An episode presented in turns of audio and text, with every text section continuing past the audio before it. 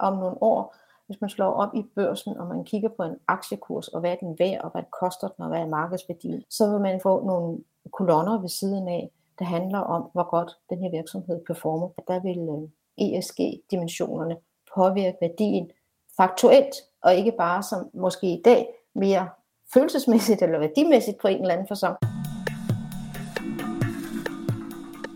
Velkommen til podcasten Bæredygtig Business. Vi befinder os i en tid med store udfordringer. Klima- og biodiversitetskrise, knappe ressourcer og social ulighed. Men i Bæredygtig Business ligger vi idealismen på hylden og undersøger, hvilken rolle verdens virksomheder vil spille i omstillingen til et bæredygtigt samfund. De globale udfordringer kan nemlig ikke løses af velgørenhed og filantropi alene. Hvis vi skal afværge den nuværende kurs mod katastrofe, så skal vi lave bæredygtighed til sund forretning. Mit navn er Steffen Max Høgh. Jeg er forfatter og foredragsholder og har arbejdet med bæredygtighed de sidste 10 år. Jeg taler med førende eksperter og undersøger, om der er penge i at tage et socialt og miljømæssigt ansvar. Hej Birgitte Mogensen, god dag og tak fordi Hej. du vil være med i Bæredygtig Business igen igen, fristes man jo til at sige.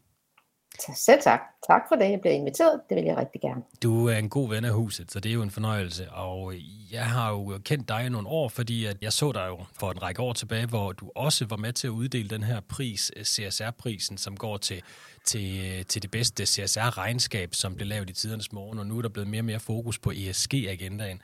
Og så ja. i forbindelse med, at, at jeg har været med til at lave uddannelsen ved Finanssektorens Uddannelsescenter for, for bæredygtighed, hvis man arbejder som erhvervsrådgiver i de danske banker, så kan man få den her ekstra uddannelse, hvor du også underviser.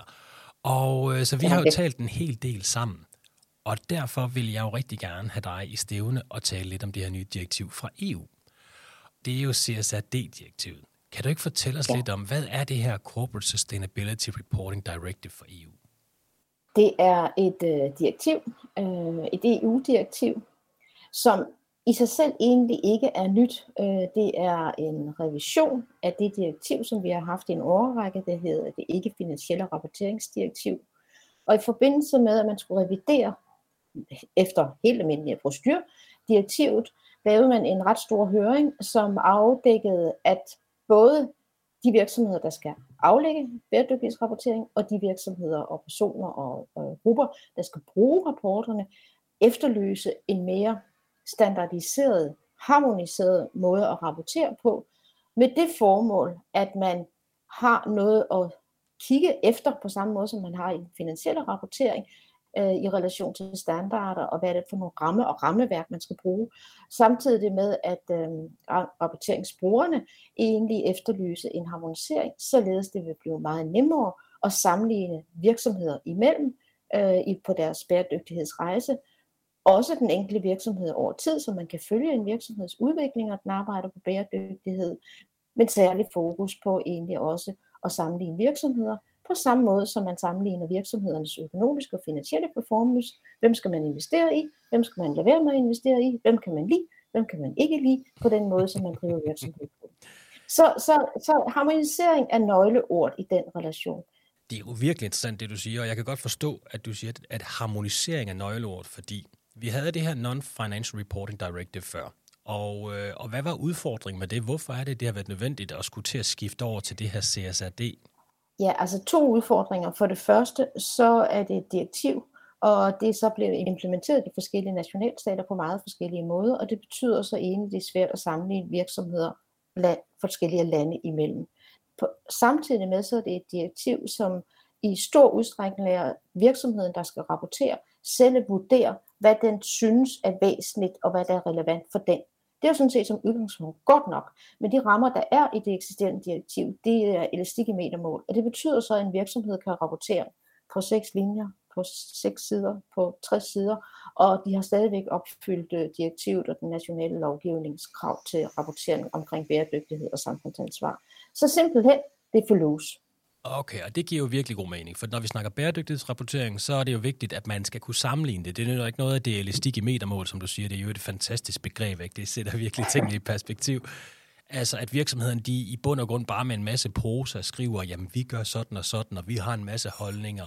Altså, det, vi bliver nødt til at have, at folk de rapporterer på den samme måde, så man kan sammenligne det. For det er vel det, det hele drejer sig om, ikke?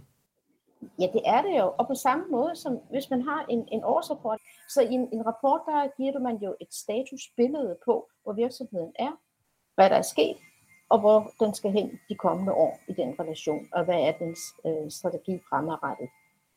Og det er jo det samme, man vil gerne lægge ned over bæredygtighedsrapportering. Hvor er virksomheden på dens bæredygtighedsstatusrejse i dag? Hvad har den, hvordan har den performet i det forgangne år? Og, og hvad er det for nogle mål, den har sat sig? Og det får vi så inden for en ESG-struktur. Øh,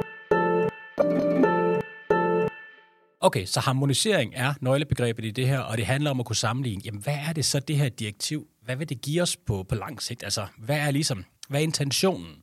Det er selvfølgelig, at det bliver nemmere at sammenligne virksomheder og se godt, hvor mange penge tjener de, hvor mange medarbejdere har de, hvordan har de tjent det penge, hvor, hvilken år, øh, påvirkning af planeten har det nu engang haft, hvordan har alle de der medarbejdere, de er beskæftiget, hvordan har de haft det. Det er vel sådan nogle ting, man går ind og kigger på, ikke? Jo, det gør man jo. Man kigger delvis i et, i et finansielt regnskab, og når man så har bæredygtighedsrapporten, der ligger, kommer til at ligge ved siden af det finansielle regnskab og har samme niveau og samme værdi på mange områder, så kommer man jo til at se øh, noget mere om, hvad det er for nogle risici, virksomheden har, hvad det er for nogle påvirkninger, den har på det omgivende samfund, på mennesker, natur osv., og hvad den gør ved det. Så, så det er at tage et ansvar og et medansvar, og så har man i, i, øh, i direktiven sådan to perspektiver. Det perspektiv, at virksomheden skal tænke sådan indefra ud, hvordan påvirker man sin, øh, sit samfund, sit omgivende samfund på kort sigt, på mellemlang sigt og på lang sigt, og hvad gør man så ved det, man kan gøre noget ved. Og så vender man så pilen den modsatte vej, og så har man også i, i direktivet en tilgang, der siger, at en virksomhed skal også kigge på, hvordan det omgivende samfund, kloden og mennesker osv. påvirker virksomheden som virksomhed. Og dermed hvad det er for nogle forudsætninger, der egentlig gør, at man egentlig kan drive den virksomhed ud i et øh, forretningsmæssigt perspektiv, som man gerne vil. Og det gør jo egentlig, at man på lang sigt får bundet virksomhedens finansielle økonomisk rapportering og performance og management mere sammen med bæredygtighedsrapporteringen, fordi man har så næsten kan du sige, tre gammeldags bøger, der ligger ved siden af hinanden. Det ene, det er rent økonomi finansielt. Det andet, det er rent medansvarlighed for det samfund og den klode, vi er på. Og det, der ligger så i midten, det er så det, der rammer begge dele, altså det, der gør, at man egentlig kan drive en virksomhed og tjene nogle penge og vækst og så videre, hvis man gerne det vil det, øh, samtidig med, at man egentlig i, i møde ser og kigger på, hvad det er for nogle bæredygtighedsforhold. Og det er jo hele den del, man, man kalder double materiality. Og det kommer vi også til at kigge særskilt på, fordi det er jo utrolig interessant, og det er jo, som du siger, det binder jo virksomhederne sammen med den verden, vi nu alle sammen er en del af. Så, så på ja. en eller anden måde begynder vi at skulle se vores forretningsmodel i forhold til, hvordan det også er, at den påvirker verden, og hvordan verden den påvirker vores forretninger.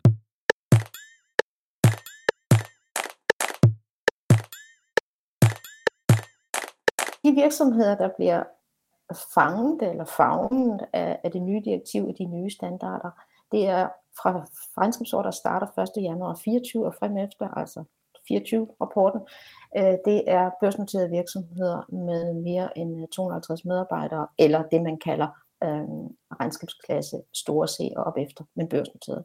I 25 så rammer det alle regnskabsklasse store C virksomheder, D-virksomheder, altså med tommelfingerregel mere end 250 medarbejdere.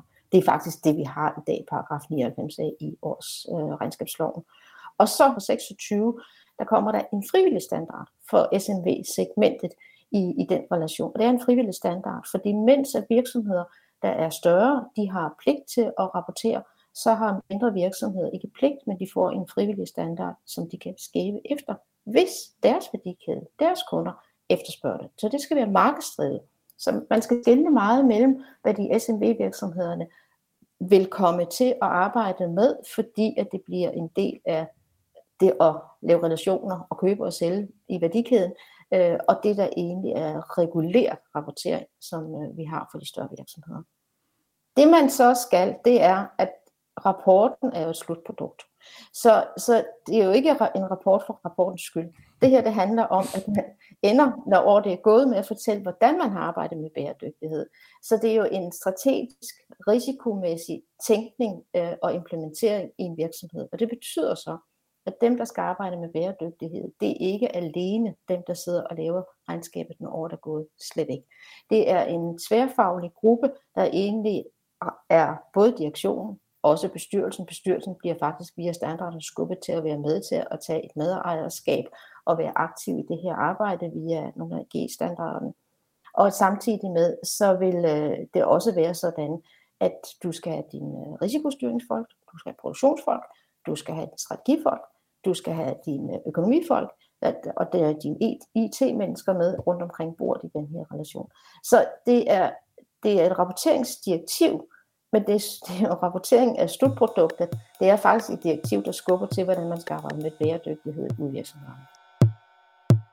Hvis man kigger i SMV-segmentet, hvad vil være det store argument for, at de skal gå i gang lige nu med at begynde at kigge ind i det her CSRD-direktiv, altså i den her nye rapporteringsstandard, når de i bund og grund, altså det er en frivillig standard, som først løber af staten i 26 for dem. Kan der være en grund til at kigge ind i det allerede nu? Ja, det kan der i hvert fald.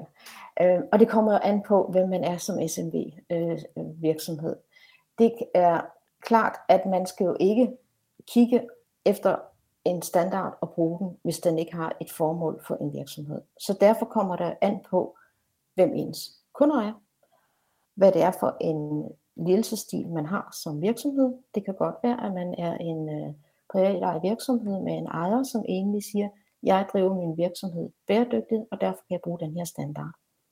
Det er jo et spørgsmål om at vælge en ledelsesstil. For langt de fleste virksomheder, så tror jeg, man vil starte med at egentlig have en dialog med sine største og væsentligste kunder.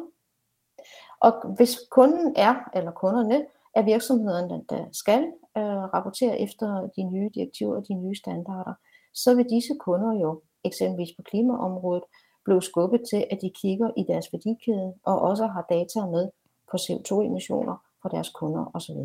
Og det betyder så, at kunderne vil stå og sige, at vi mangler faktisk informationer, viden, data fra vores leverandør. Hvordan får vi dem? Så den konstruktive måde for en SMV-virksomhed er ikke at kaste sig over en masse ting. Det er nok at tage telefonen og ringe til sine største kunder og spørge, om man skal mødes og snakke om, hvad forventer de af mig som SMV-virksomhed fremadrettet, måske ikke i morgen, men på længere sigt, så jeg kan begynde at planlægge, hvordan jeg skal arbejde.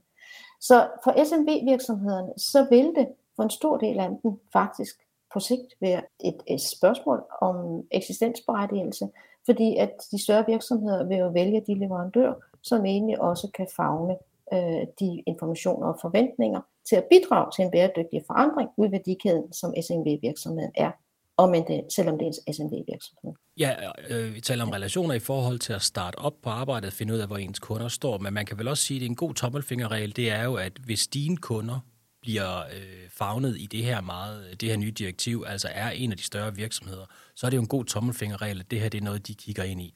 Og kan man ikke også sige, at, at der er begyndt at være en sådan generel enighed om, eller en generel forståelse for, at alle virksomheder hænger sammen i en værdikæde. Og derfor er det ret vigtigt, hvis de store virksomheder skal, altså skal kunne rapportere på de her nye rapporteringsmål, jamen så betyder det, at de skal have noget data fra deres underleverandører. Det er vel netop der, at SMV-segmentet spiller en stor rolle, fordi de skal levere det her data til de store virksomheder, og det er vel også en mulighed for dem at komme i dialog med de store virksomheder. Ja, og så vil, og du kan sige, hvad er det for noget, man skal levere data på? Fordi hvis man bliver inden for klimaområdet, så vil man jo som øh, kunde øh, spørge sin SMV-leverandør, jamen hvad er det for noget energi, du bruger i din produktion, eller i din transport osv. Så, videre. så det er jo ikke et spørgsmål om bare at få data, men det er måske også at være med til at lave nogle tiltag til at forandre og ændre sin transportstruktur, øh, bruge mere vedvarende energi, og på anden måde være med til at bidrage i værdikæden, hvis det er på klimaområdet. Hvis det er et spørgsmål, om det er på, på S'et, så handler det måske meget om, hvad er det for en, øh, nogle arbejdsforhold, hvad er det for en, nogle elementer i relation til at understøtte ligestillingsudfordringen, som man taler om. Og hvis det er leverandør, som jo så har leverandør igen, som er måske i øh, lande, hvor vi har udfordringer med menneskerettigheder og arbejdstagerrettigheder, så er det spørgsmål om, om man er opmærksom på det, eller på nogen måde indgår i samarbejder, i branchesamarbejder, eller i andre til at være med til, så godt som man kan, og, og egentlig undgå at egentlig at importere varer og produkter, som er øh, produceret med, med, med risiko for at overtræde menneskerettigheder og arbejdstagerrettigheder. Så det er et spørgsmål om, at man egentlig vælger, hvad det er for nogle vigtigste forhold hos leverandøren, som kunden egentlig synes kan være vigtige. Og det kan være det hele, men det kan også være en delmængde af det. Og det kommer meget an på, hvad man laver, hvad man producerer, hvor man er henne i virksomheden, og hvad, hvor, hvor stor betydning SMV kun, øh, leverandøren har over for den her kunde. Så jeg bliver ved med at kredse rundt om den der relation kunde-leverandør imellem. Mm, og det er, et, et virkelig godt råd at tale med dine kunder, det, det er et rigtig, rigtig godt råd.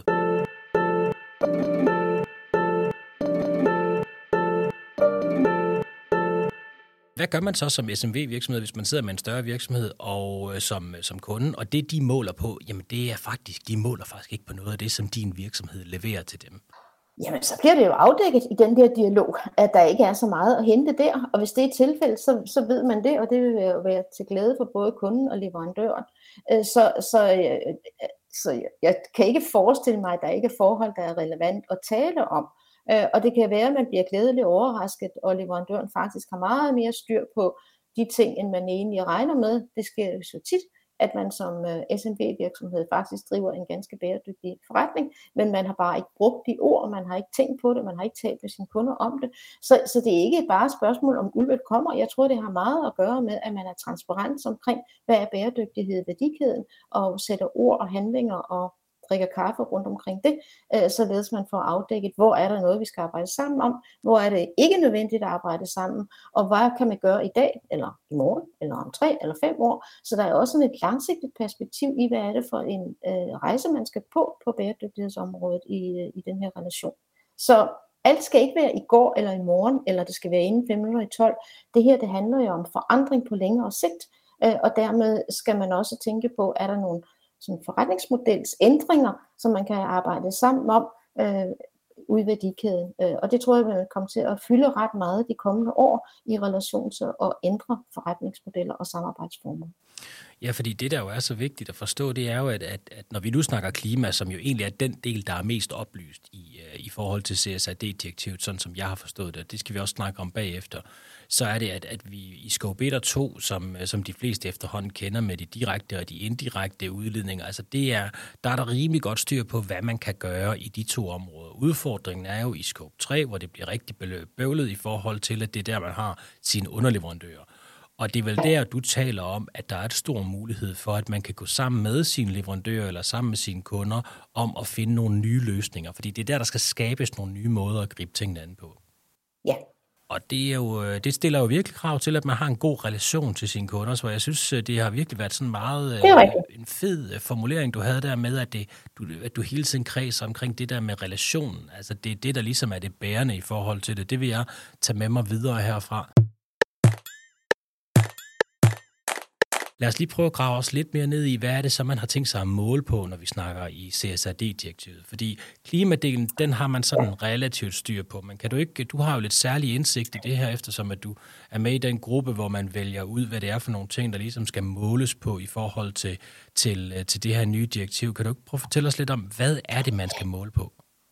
Ja, altså man dribler ned i et E og et S og et G-spor. Og i e-sport, der er det, som du siger, jo meget fokus på klima, men også på cirkulær økonomi, på øh, biodiversitet, på øh, affald, øh, og, og i det her på vand og havmiljøet osv. Så, videre. så det fagner mere end klima, det fagner de elementer, som man faktisk har over i taksonomien, som du sikkert laver en anden podcast omkring, som er et spørgsmål om, hvordan den finansielle sektor egentlig skal være med til at skubbe, hvor der kommer mest bæredygtighed for pengene. Ja, så vi tager så hele din... både klima- og miljødelen, dækker ed.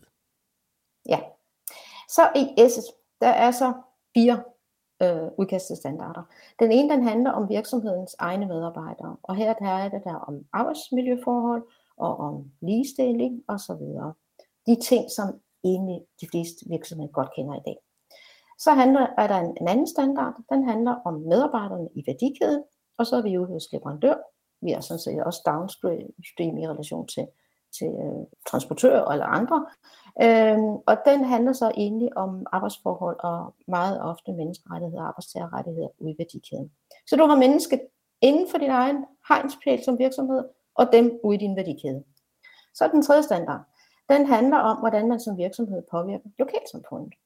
Og øh, der kan man sige, at påvirkning af lokalsamfundet handler jo om at samarbejde med lokalsamfundet. Nu er det her jo en standard, der skal gælde i mange lande, så for lokalsamfundet handler det jo nogle steder også om øh, befolkningsgrupper, som bliver skubbet til at forlade deres hjem, fordi der skal ligge en fabrik her og Så, videre. så noget af det, der ligger i den standard, er måske sådan ikke lige det første, man tænker på, hvis man er på vores breddegrader. Men der kan være andre forhold i relation til samarbejde i lokalsamfund, som kan være rigtig relevant. Øh, så er det den fjerde standard, som handler om end users og consumers og forbrugeren, og den, der skal bruge produktet i sidste ende, som handler en del om sikkerhed ved at bruge for produktet, information omkring for bruge for produktet, og dermed også bruge det på en mest bæredygtig måde i den relation. Så det, der er det interessant i S'et, det er, at S'et er jo blevet til fire S'er. Fordi du har både lokalsamfundet, du har forbrugeren og, og kunden, du har medarbejderen ude i værdikæden, og så har du virksomhedens egen medarbejdere. Og det giver faktisk en god struktur på sådan nogle standarder, så skal begynde at tænke på, på, øh, på S-forhold, og dermed på arbejdsmiljø og sikkerhed og ligestilling og mangfoldighed osv. Så, er der et, og, og mens man du siger, E og S, det kender vi jo som fra mange andre øh, rammevilkår og frivillige standarder, så er G'et jo blevet noget tydeligere, og G'et kan man sige, altså hvis man her i ESG, man kunne også lave det som en, en trekant, der står på hovedet, og G det er bunden, og så har vi et E og et S, fordi at hvordan man egentlig driver sin virksomhed og forudsætninger for de andre på en eller anden person. Der er to standarder på, på nuværende tidspunkt. Den ene standard, den handler meget om informationer omkring, hvem, hvordan har man organiseret sig, øh, hvordan arbejder man med bæredygtighed, har man øh, incitamentsprogrammer, hvor en del af virksomhedens ledelse eller nøglemedarbejdere aflønnes på grund af resultater på bæredygtighedsområdet. Hvordan er ens øh, risk management og risiko og procedurer og systemer sat op, så man egentlig har et øh, robust fundament for at drive den her agenda. Øh, det er måske mange gange nogle informationer, som måske vil være de samme lidt fra år til år, for det er jo ikke sådan noget, man ændrer fra år til år. Det er ikke sådan en performance, ligesom det er over i ES og i e et og, og, og, øhm, og S på samme person. Så det er jo sådan mere information om, hvordan driver den, man den her virksomhed. Og så er der det andet G, som handler om uh, business conduct. Og her bor så noget som øh, uh, antikorruption, øh, bestikkelse, øh, whistleblower-ordning, øh, hvordan man egentlig øh, arbejder med sin øh, leverandør i relation til betalingsvilkår, øh, og dermed øh, praksis for, hvornår man har forfald af regninger, så den store ikke udsulter likviditeten hos den lille, øh, kommer med ind. Og så kommer der noget omkring lobbyisme, at virksomhederne skal være meget mere transparent omkring, hvem de understøtter med aktiviteter eller penge, lobbyistisk øh, i relation til, at man egentlig har en mere transparens omkring tænkningen og ledelsesstilen og kultur inde i virksomheden. virkelig nogle interessante emner, der bliver taget fat på. Og, øh, og der kan man jo virkelig sagtens forestille sig, at det her det kunne komme til at ændre verden rigtig meget, hvis alle virksomheder rapporterede helt fast på det her. Og det kommer jo så ind til, jamen hvad er det virksomheden, de kommer til at rapportere på? For de rapporterer jo ikke på det hele. De standarder, vi får ud nu, og det vi lige har talt om på nuværende tidspunkt, det er de generelle standarder, og det er dem, som når de kommer ud i øh, juni måned 23 fra EU-kommissionen øh, og er godkendt osv., øh, og træder i kraft som en slags delegeret retsakt, som det hedder, eller en forordning, altså virksomhederne skal efterleve dem, og man kan ikke ændre på dem af nationalstaterne, så er det de informationer, der kommer til at stå der, dem skal alle de virksomheder, der skal rapportere efter det her direktiv, det skal de rapportere efter. Det lyder jo helt fantastisk, at øh, hvis alle virksomheder kommer til at rapportere på det, men er der rapporteringspligt på det? Ja, det er der. Altså de standarder, der kommer ud nu i første omgang, og som vi ser i, kommer til at se i endelig udgave øh, senest juni 23, det er informationer og data, som øh, alle virksomheder, som bliver fanget og fagnet af direktivet, de skal rapportere på. Så det er et niveau så kommer der faktisk nogle sektorspecifikke standarder med et års forsinkelse for forskellige sektorer. De er ved at blive udarbejdet på nuværende tidspunkt. Og der får den enkelte virksomhed nogle supplerende ting, som man skal rapportere på, afhængig af, om man er en virksomhed inden for farmasektoren, eller man er en virksomhed inden for landbrug og fødevare, og så fremdeles. Det ligger også ovenpå. Det bliver også obligatoriske rapporteringskrav. Så. så har man det tredje niveau, og derudover kan virksomheden vælge, om de vil rapportere noget mere. Så det her, det handler ikke om, som vi har nu i det eksisterende direktiv, at man vælger, og så forklarer man sådan, om det rapporterer vi ikke på. Det her, det er simpelthen en compliance-rapportering mere, end det har været før. Og det er jo den helt store forskel. Ikke? Det er, at der kommer jo en pligt, som man skal rapportere på de ting, du lige har gennemgået her. Og så ja. bliver der et niveau mere, som bliver branchespecifikt. Så, og det vil sige, at der er i de pågældende brancher, kører det på de her øh, NACE-koder? Ja, det gør det, men man har så samlet NACE-koderne, ellers vil det være for mange brancher. Så man har samlet den i sådan 14 øh, grupper, øh, og under dem der øh, kommer der så øh, 40 øh, sektorstandarder øh, fremadrettet over nogle år. Over nogle år. Okay, så rapporteringen bliver altså delt op i tre bidder. Så den første bid, det er den, du lige har gennemgået med ESG. De her mange forskellige ting, der skal rapporteres på, det bliver mere compliance, altså det, det bliver simpelthen ja. Øh, lovgivning. Så bliver der et andet niveau, om man vil, som bygger på de her øh, branchekoder. Man har kogt ned til 14 forskellige branche, eller 14 forskellige brancher, og der bliver nogle specifikke ting. Og så bliver der et lag mere, og øh, hvad er det, vi må der? Jamen, at hvis en virksomhed siger, ud over det, som jeg skal, og siger min sektor, og det regulator siger, så er der nogle andre ting øh, på risiko- eller mulighedskasketten, som jeg egentlig har lyst til som virksomhed at rapportere på, for det betyder noget for den måde, som jeg driver virksomhed. Og der har man så en, øh, en, en spilleplade at sige, jamen hvis det er væsentligt for dig, enten i et indfra ud eller udefra ind perspektiv, så skal du gøre det superspændende. Og det kunne jo godt være nogle virksomheder, der var meget proaktive og virkelig havde en stor indsigt i, øh, i, i, i den branche, de var i, som gerne ville løbe ekstra langt, og det ville de kunne dokumentere på en helt særlig måde i det her stadie måske. Ja, og, og ved du hvad, jeg tror jo også, at man skal jo tænke på, at det her skal jo gerne gælde i nogle år. Og bæredygtighed er jo ikke en statisk størrelse. Altså for 10 år siden, der talte vi ikke så meget biodiversitet, som vi gør nu eksempelvis. Og det betyder jo, at, at megatrendsene, der kommer, ved at kommer jo fra virksomhederne meget. Jeg kan sagtens forestille mig, at det, at det er jo ikke regulator og de generelle ting, man skal rapportere på, som egentlig vil være styrende, de kommer jo lidt bagefter. Så det er jo de virksomheder, der ser nogle, nogle trends og nogle risici og nogle muligheder på den bæredygtighedsagenda, som jo selvfølgelig også vil ændre sig og vokse, så man begynder at rapportere på dem, og så får vi nok, tror jeg, sådan en bottom-up regime på længere sigt, at når virksomheden begynder at, at, øh, at, at iagtage de her ting og beskrive dem osv., så, så begynder man i sektorstandarderne at kigge på, oh, er det relevant for os? Og oppe i de generelle standarder vil man jo også, hvis jeg tager de langsigtede briller på, begynder at tænke på, når man, det er noget, at alle virksomheder bør rapportere på. Så lige nu så har du sådan en drip-down tilgang. Du skal, du skal, du skal, og nu tror jeg, at når vi så, hvis vi nu tager de langsigtede briller på, så får vi sådan en, en bottom-up tilgang, fordi at det er jo ikke regulator, der sætter nye krav. Det er jo det, der sker ude i virksomheden, som føder det. Hvad tror du konsekvenserne bliver af det her, hvis du sådan skulle tænke en håndfuld år længere frem? Hvad kan vi forvente? Altså kan vi forvente, at det bliver anderledes, når vi slår virksomheder op, vi får et mere nuanceret billede på, hvordan det er, de, de performer, og hvilken omkostning det har haft på planeter, på samfundet, at den virksomhed har eksisteret. Hvad tænker du?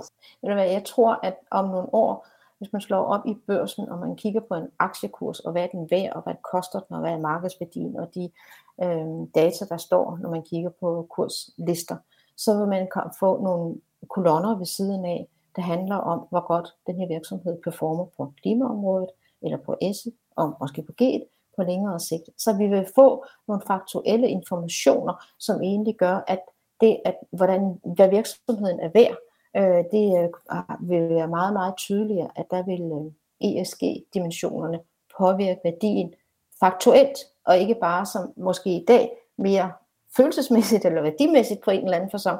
Det bliver meget mere faktuelt. Der er jo nogen, der, der siger, at øh, det vi står overfor nu er lige så stort som industrialiseringen for nogle århundreder siden. Fordi det bliver en anden måde, at vi skal øh, leve, drive virksomhed, eksistere øh, fremadrettet i den relation. Så derfor så bliver det nogle andre faktorer, det handler om. Og det er, er måske ikke så nyt, men nu er der jo ligesom gået proppen af flasken i den her relation. Og nu ser man, at, at, at det er rigtig vigtigt, og regulatorer ser også, at det her er rigtig vigtigt. Så det her det er et skub til det, der er startet op, men for at skubbe det op over bakken, vil jeg kalde det. Ja, fordi det, man kan sige, der har været et problem i lang tid, det er, at hele bæredygtighedsagendaen har været noget, vi har talt meget om, noget, vi godt vidste for et stort problem. Vi har bare haft rigtig svært ved at måle det. Og nu hvor ja. alle bliver tvunget til at rapportere på nogle, øh, nogle ret konkrete øh, indsatsområder, jamen, så begynder det at blive meget tydeligere. Det her det er dog stadigvæk kun i Europa. Hvordan tænker du, øh, resten af verden kommer til at følge, følge trop? Jamen altså, der er jo de samme tendenser i andre lande hele vejen igennem, og på øh, de øh, internationale rapporteringsstandarders øh, område, altså IFRS og de finansielle øh, rapporteringsstandarder, øh, at man, har man jo også lavet udkast til en øh, standardisering, som egentlig øh, fagner i første omgang mere klimadelen, øh, og man har nedsat et, øh, en særlig øh, board under regnskabsstandardernes øh, organisation, som også skal kigge på det her. Så, så jeg tror egentlig, at i, i øh, EU og Europa, der er vi måske på forkant og kommer først på nogle områder, øh, men det breder sig øh, hele vejen igennem, så, så ja, det bliver ikke en isoleret EU-ting på nogen som helst områder. Det, det gør det ikke. Øh, men, men lige nu så har vi med de standarder og det direktiv, der er nu, der har man jo øh, lagt noget frem på bordet, kan man så sige. Og om andre så vil kigge efter, når de vil lave noget andet, øh, det bliver nok en blanding, men ikke desto mindre, så kommer der forskellige standarder. Og det bedste, det vil jo være, at hvis vi alle sammen var enige, så det var globale standarder, øh, så, øh, så var der mange ting, der var lettere. Og man skal også sige, at det, der kommer fra EU på nuværende tidspunkt, det er jo ikke skabt øh, i, fra et lukket rum. Øh, man har jo øh, i standarderne, det vil man også kunne se, hvis man læser helt ned på nogle af de sidste sider i alle standarderne, der er jo øh, link og, og brugdokumenter over til alle de andre frivillige standarder, der er i verden på nuværende tidspunkt. Ja, så man prøver ligesom at fagne øh, det så meget som overhovedet muligt i det, men, men er der ikke en stor udfordring i, at man, man maser det her E, S og G sammen, at der er nogle steder i verden, altså vi så det jo lidt i USA, hvor, hvor, hvor man kan sige, at E'et er der måske en, en vis øh, enighed om, at det er noget, der skal arbejdes med, men S'et, det begynder at ryge meget ind i den her woke-dialog, hvor nogle de, altså, hvor det bliver politiseret en lille smule. Er du bekymret for den tendens? Nej, det, det tror jeg egentlig ikke, jeg er, fordi at, at der, der er meget forskel på, hvad, hvordan standarderne nu ser ud i udkast i E og S og G, hvor nogle af dem er meget mere rummelige i en rejse, man er på, altså mens man i S egne medarbejdere har mange faktuelle forhold, man siger, man skal måle på ulykkestatistik og sygefravær og så, og så videre. Hvorimod, når man kommer ud i det, det andet S, altså i værdikæden, så handler man mere om, at man har tiltalt procedurer, man er med til at skubbe nogle ting, der er man ikke så faktuelt tilfælde på nogle data. Så jeg tror, der er en, en, en stor balance i det, i, i det udkast, der er på nuværende tidspunkt til standarderne, til at sige, at det er ikke bare sådan, at nu skal man have tal på det hele. Øh, for meget af det er jo faktisk øh, politikker og procedurer og relationer for at vende tilbage til relationerne, og det er man er med til at skubbe en forandring i gang.